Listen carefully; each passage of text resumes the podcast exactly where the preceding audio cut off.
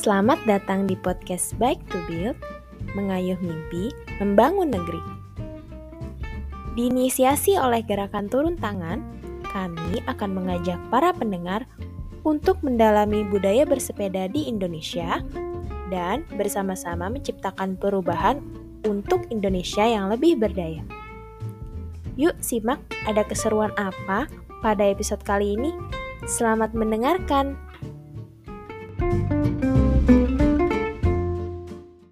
Selamat pagi para pegiat. Saat ini kamu sedang mendengarkan episode perdana dari podcast Bike to Build bersama aku Primadita Rahma.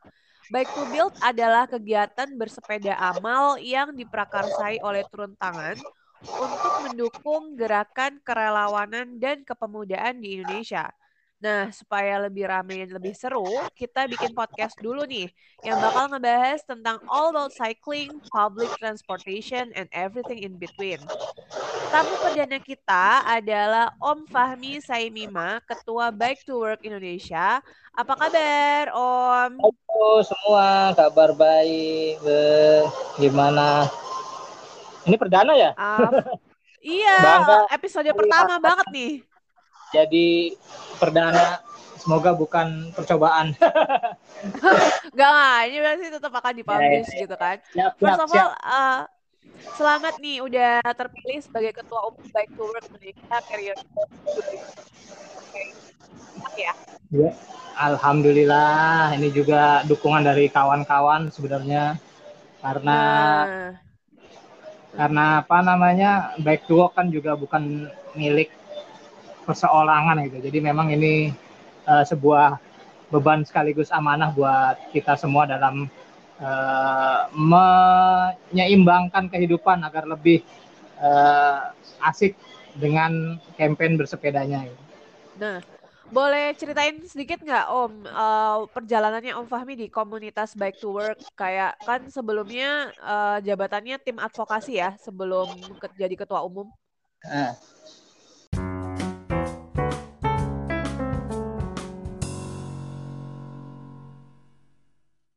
Boleh ceritain dikit perjalanannya Om Fahmi di komunitas Back to Work dari awal okay. gabung sekarang? Ya, uh, sebenarnya mengenal Back to Work itu saya sudah lama ya. Bahkan ketika Back to Work uh, berdiri dideklarasikan tanggal 27 Agustus tahun 2005 gitu. Jadi walaupun tidak uh, menjadi pengurus atau tidak menjadi aktivis Back to Work sebelumnya, tapi memang keaktifan saya di sepeda juga cukup lama ya. Uh, apalagi saya aktif juga di waktu yang sama mendirikan uh, komunitas sepeda tua Indonesia gitu. Dan memang beberapa tahun belakangan akhirnya saya diminta oleh Om Putut Sudaryanto, Ketua Baik to Walk uh, sebelumnya untuk bisa bantu di bidang advokasi. Karena ternyata uh, baik to work perlu banget uh, untuk uh, bisa mewujudkan uh, keadvokasian ya pembelaan hak-hak pesepeda ketika uh, beberapa tahun belakangan itu ya. Akhirnya uh, bisa kerja bareng dengan baik to work dan uh, ketika kemarin ada pemilihan ketua baru kebetulan saya diajukan oleh uh, founder back to work untuk bisa meneruskan tongkat estafet dari ketua kita sebelumnya itu Om Putut Sudaryanto. Tapi overall uh, dalam dunia sepeda saya ya alhamdulillah sih bisa turut sejak lama ikut uh, mewarnai uh, dunia persepedahan Indonesia sejak tahun 2003 lah 2004. Wow, Mungkin itu udah uh, udah hampir 17 tahun ya. Uh, nah, Om, Fah uh, Om Fahmi, Bike to Work ini kan sering disebut sebagai garda terdepan dalam memperjuangkan hak-hak pesepeda dan juga pejalan kaki di Indonesia. Sebenarnya apa aja sih infrastruktur ba uh, basic ya uh, yang harusnya disediakan oleh pemerintah untuk mengakomodasi para pesepeda di Indonesia? Gimana? Nggak, sorry diulang. Ini. Aku ulang ya. Ya ya. Uh, apa? Back to, kalau aplikasinya nggak jalan ini ya? Oh, oke okay, oke okay, oke. Okay. Aku ulang ya. Ya ya. Bike to Work kan sering disebut sebagai garda terdepan dalam memperjuangkan hak-hak pesepeda dan juga pejalan kaki di Indonesia. Nah, sebenarnya apa aja sih infrastruktur basic yang seharusnya disediakan oleh pemerintah untuk mengakomodasi para pesepeda di Indonesia? Ya, uh, Bike to Work memang selama ini concern ya, uh, concern terhadap pilar-pilar um, yang ikut membantu perkembangan uh, sepeda di Indonesia dengan visi apa membuat masyarakat uh, bisa kualitas lebih baik dengan bersepeda maka bike to walk itu berdiri di atas semua jenis sepeda. Jadi walaupun kita ini sebagai social movement sebagai civil society yang di mana uh, kita nggak buka member atau keanggotaan gitu tapi uh, pergerakan bike to walk patut untuk uh, apa ya untuk dilestarikan dan diperjuangkan bersama.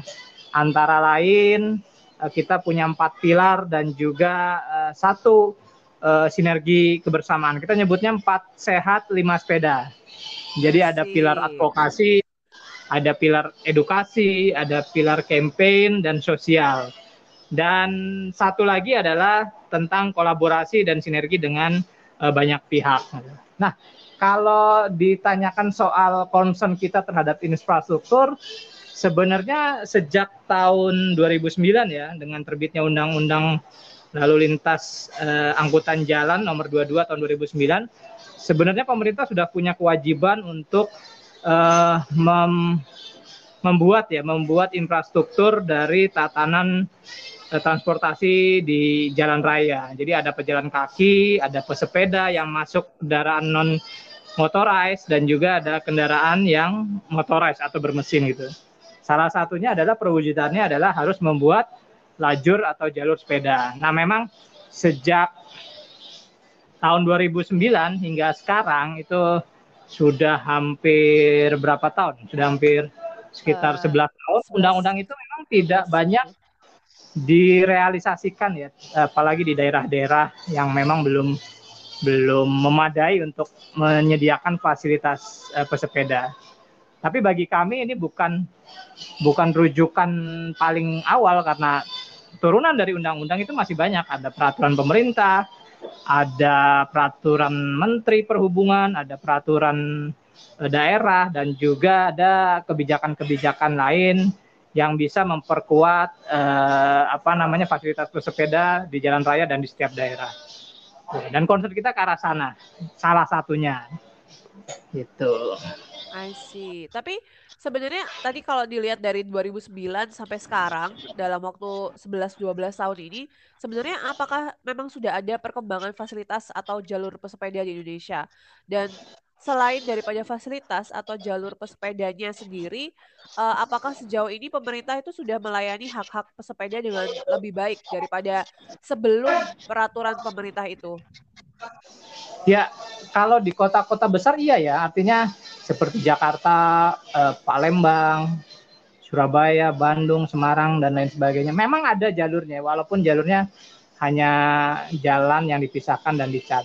Tapi sebenarnya kami tuh sudah berpikir banyak soal kayaknya kita nggak perlu lagi deh berjuang soal uh, jalur sepeda gitu. Bukan nggak perlu ya artinya uh, ini bukan tujuan kita. Tujuan kita sekarang kita alihkan bagaimana para pesepeda dan pejalan kaki itu punya hak atas rasa aman di jalan raya gitu. Jadi dengan hak atas rasa aman ini uh, konsekuensi undang-undangnya kita naikkan lagi dan ini masuk kepada konsekuensi hak asasi manusia gitu. Makanya uh, kita sangat uh, kencang sekali untuk uh, mengedepankan pola hukum administratif Undang-Undang 45 tentang hak asasi manusia di mana warganya berhak atas uh, hak rasa aman gitu. Salah satunya dalam berjalan kaki, dalam bersepeda dan juga dalam bermobilitas lainnya gitu. Dan inilah kita dorong. Nah, bentuk rasa aman itu seperti apa? Ya bisa dengan menyediakan jalur sepeda, bisa dengan menyediakan fasilitas pesepeda,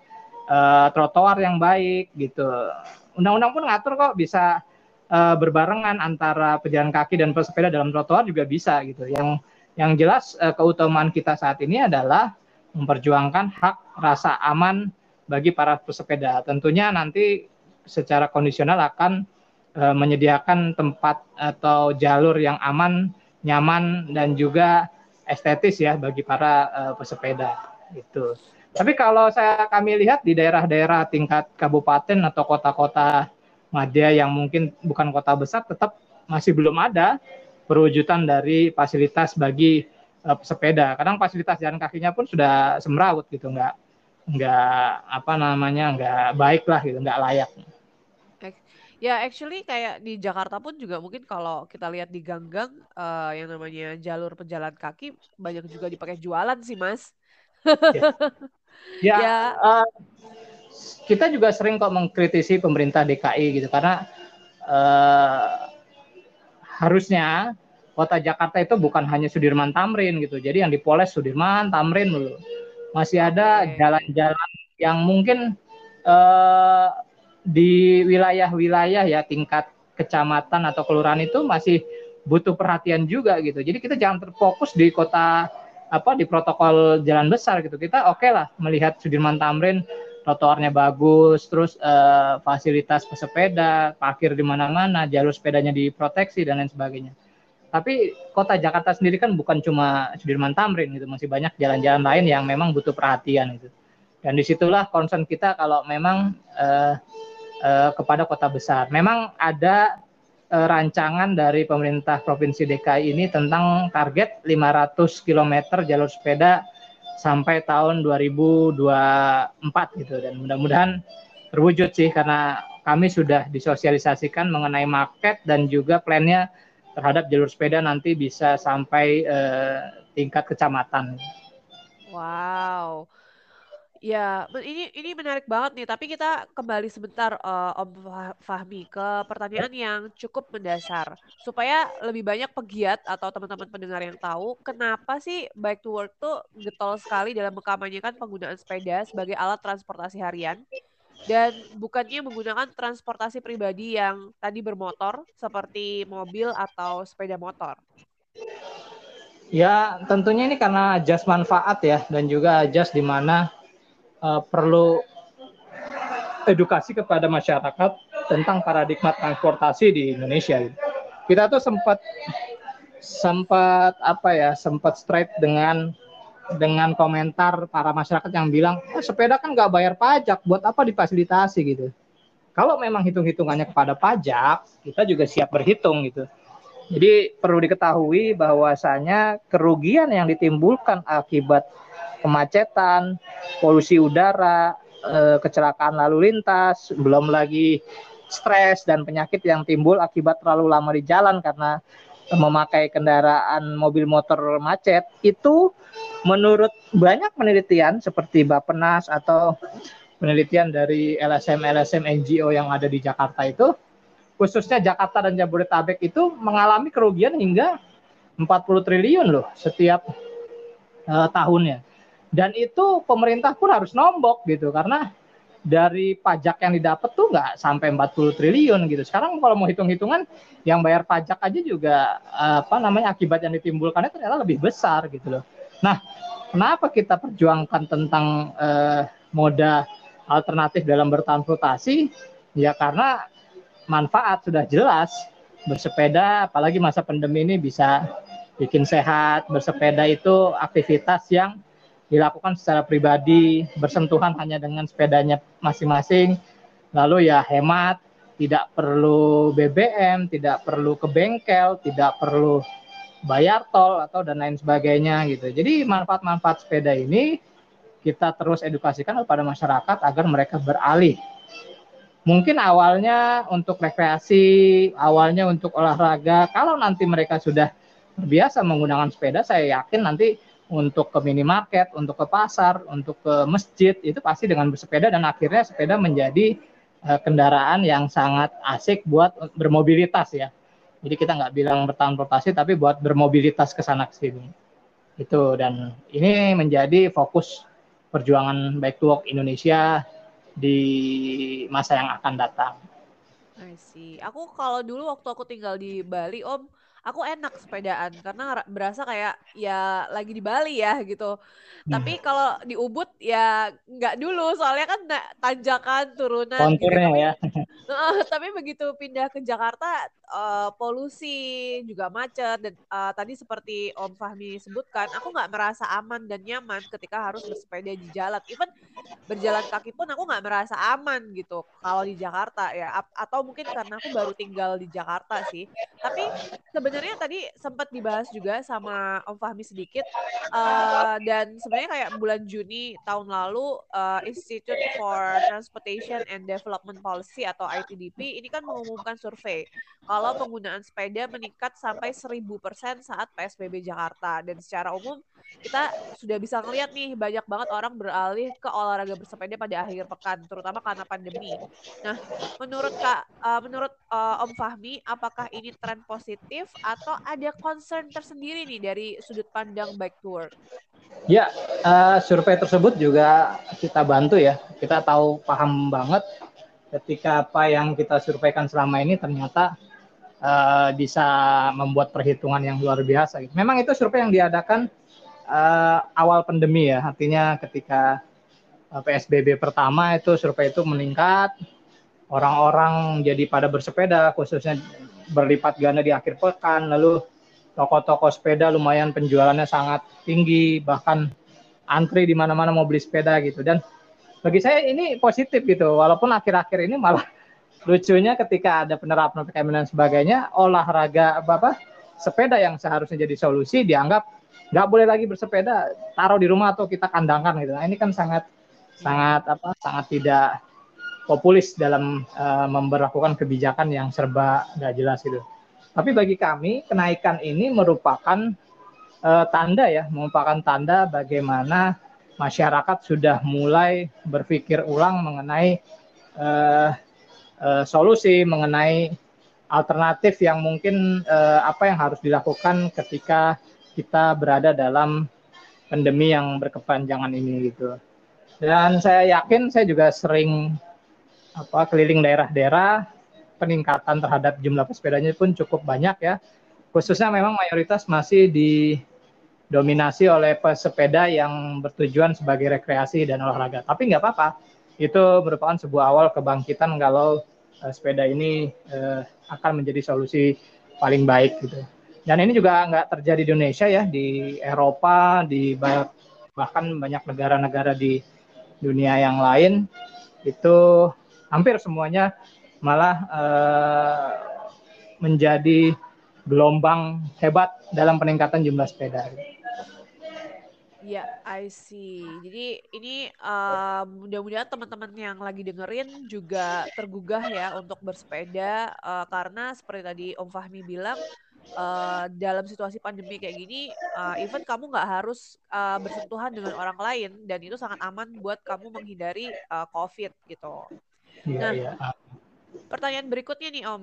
Uh, aku tuh baca berita ya sekitar sebulanan yang lalu ada uh, berita tentang Direktorat uh, lalu lintas Polda Metro Jaya yang merencanakan penyusunan prosedur sanksi sampai tilang untuk pesepeda yang keluar jalur. Ini memang belum ada update-nya, tapi atau kalau aku belum tahu update-nya, uh, coba uh, aku dicerahkan dan teman-teman juga dikasih tahu. Tapi sebenarnya hal ini tuh diperlukan atau kayak harusnya ya ada sosialisasi atau edukasi yang lebih masif terlebih dahulu sebelum adanya sanksi atau tilang.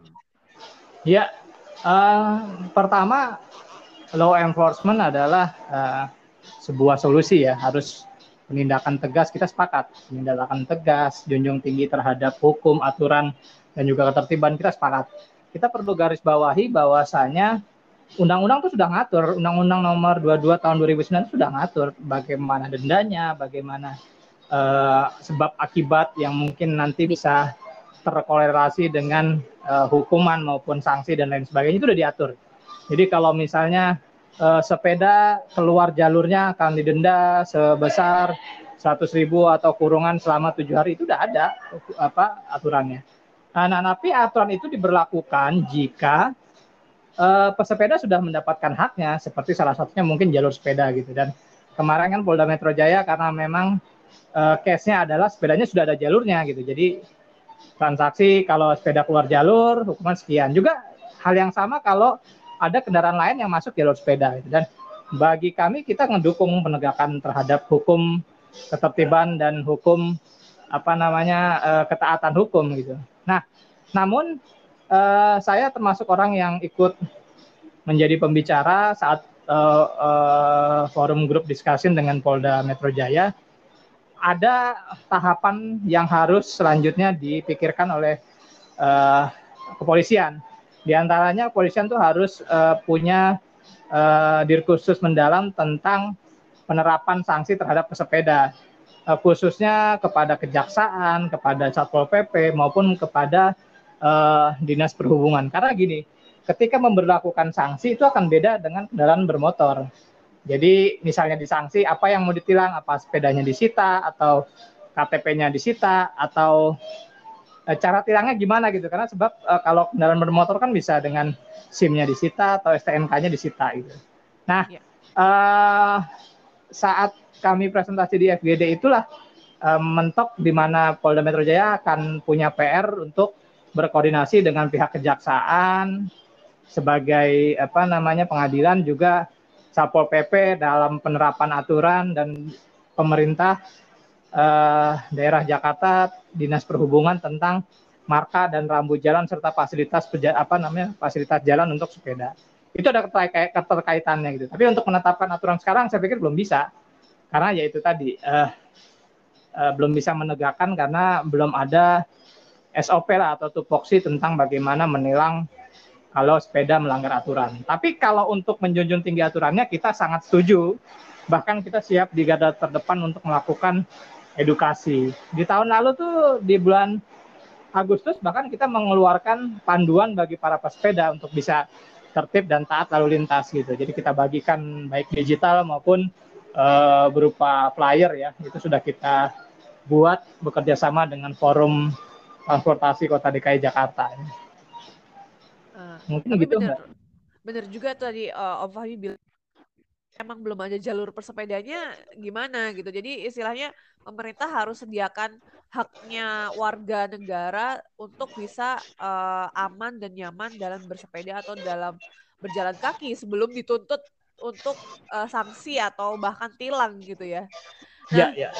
Ini mungkin pertanyaan terakhirnya nih, makanya uh, barangkali di antara teman-teman uh, pegiat, uh, EKE pendengar, yang ada yang bersiap-siap untuk beralih moda transportasi dari kendaraan bermotor ke sepeda, kayak misal aku yang dulu pernah coba di Bali gitu. Nah, kalau dari pengalamannya Om Fahmi ini pasti banyak banget nih tips khusus supaya kita lebih nyaman dan lebih aman dalam bersepeda di jalan. Ya, uh, ya saya juga sebenarnya tidak beraktivitas sehari-hari dengan sepeda ya. Karena kalau saya ada jarak yang jauh atau harus harus apa melebihi eh, 20 km, saya pasti dengan kendaraan umum atau kendaraan uh, apa pribadi lainnya seperti motor dan mobil gitu. Uh, atau lagi ingin mengubah waktu dan lain sebagainya. Tapi bagi saya sih ingin memberi tips yang pertama sebenarnya luruskan niat ya. Artinya kita mau sepeda apa mau rekreasi apa mau demi konten atau memang punya tekad untuk sehat, tekad untuk apa diet atau tekad untuk oh saya ingin melakukan ibadah dengan bersepeda, saya turut mendukung apa namanya uh, uh, pengurangan emisi atau lain sebagainya. Setelah niat-niat kita luruskan, artinya kita akan mendapatkan spirit gitu, spirit dalam artian semangat buat uh, melakukan uh, bersepeda. Tapi memang perlu diperhatikan tentang bagaimana memilih sepeda yang baik gitu. Jadi kalau ingin biasa dengan fisik yang bugar, ya pilih sepeda yang mungkin uh, bisa dengan cepat. Atau kalau mau teman orang-orang yang praktis, ya bisa pilih dengan sepeda lipat atau yang hanya untuk komuter gitu, dengan bisa sepeda city bike atau sepeda mini atau sepeda ontel gitu. Jadi memang ada pertimbangan dalam memilih sepeda menjadi bagian bagaimana e, ke depannya kita akan nyaman menggunakan sepeda tersebut. Terus lakukan dengan jarak terdekat dulu gitu. Misalnya kalau di rumah kalau mau ke minimarket atau membeli makanan atau apa namanya sekedar ke masjid atau itu cari yang dekat-dekat dulu. Lalu ditambah lagi dengan e, kelipatan-kelipatan jarak yang mungkin semakin lama semakin jauh. Ini akan akar apa namanya uh, agar bisa kita membiasakan diri terhadap uh, kondisi maupun uh, apa namanya kemampuan kita dalam bersepeda gitu. Setelah melakukan jarak-jarak yang terdekat, ya itu lagi kita mulai uh, diri sendiri dulu gitu. Perlu halnya adalah kalau kita mulai dengan diri sendiri, tentunya semangat pun apa tidak akan terbebani gitu daripada uh, belum apa-apa udah ngajak orang-orang gitu. Jadi ketika di jalan misalnya rame-ramean segala macam ya ya akhirnya banyak kepala banyak pertimbangan gitu sehingga kita menjadi tidak uh, asik gitu. Setelah itu kalau memang sudah diri sendiri sudah bisa kuat ya uh, baiknya uh, mulai sekarang juga gitu. Jadi jangan jangan jangan nunda-nunda waktu lagi kalau misalnya ingin bersepeda ya mulai dari sekarang gitu. Dan setelah kita bersepeda, mungkin yang senang berkomunitas, senang bersosial, senang apa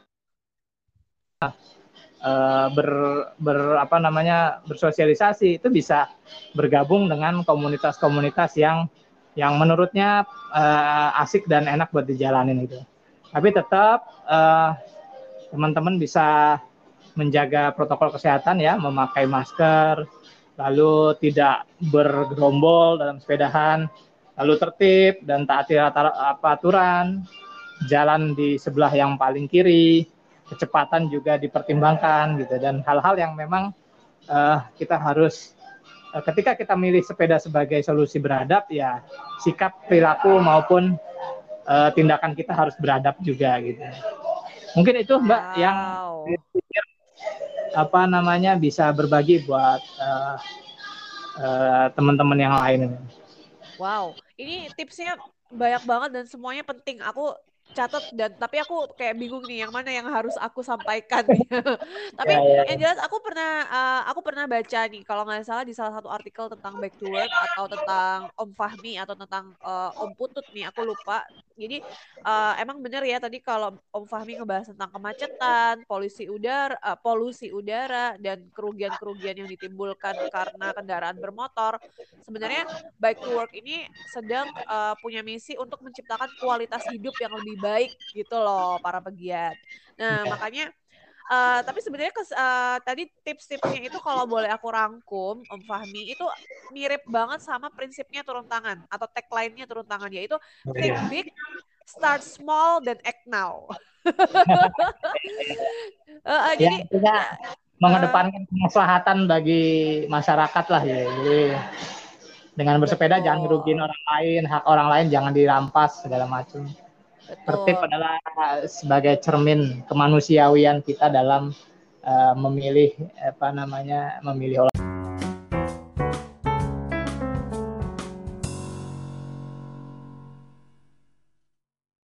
Aku berharap podcast uh, kita yang pertama ini bersama Om Fahmi Saimina dari Bike to Work Indonesia juga bisa bikin uh, kamu lebih uh, berempati sama orang di kamu terutama dalam masa-masa pandemi yang sulit seperti ini.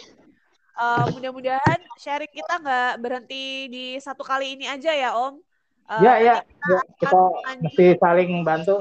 Karena prinsipnya gini, bagi back to work uh, percuma kalau kita bikin organisasi, bikin komunitas, bikin apalah aksi-aksi tanpa kita saling bersinergi maupun membuat jaringan pasti tidak akan maksimal gitu.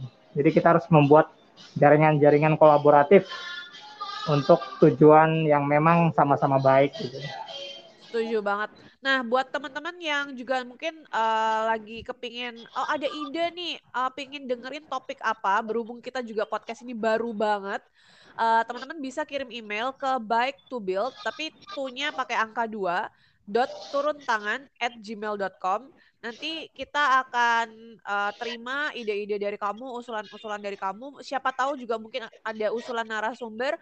Mungkin nanti kita juga tanya-tanya nih sama Om Fahmi, kira-kira siapa nih narasumber yang bisa diundang untuk uh, podcast? siap, siap. Ya, ya. Karena memang podcast ini tuh bermaksud untuk uh, men, uh, mengajak para uh, masyarakat Indonesia untuk mendalami itu tadi uh, gaya hidup yang lebih baik dengan bersepeda.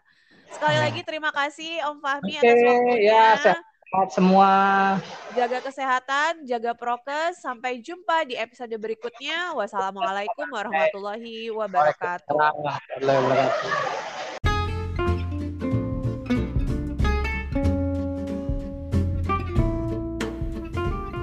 Terima kasih sudah mendengarkan podcast kami. Pastikan kamu stay tune di podcast Bike to Build setiap hari Rabu dan Sabtu dengan episode baru. Sampai jumpa di episode selanjutnya. thank you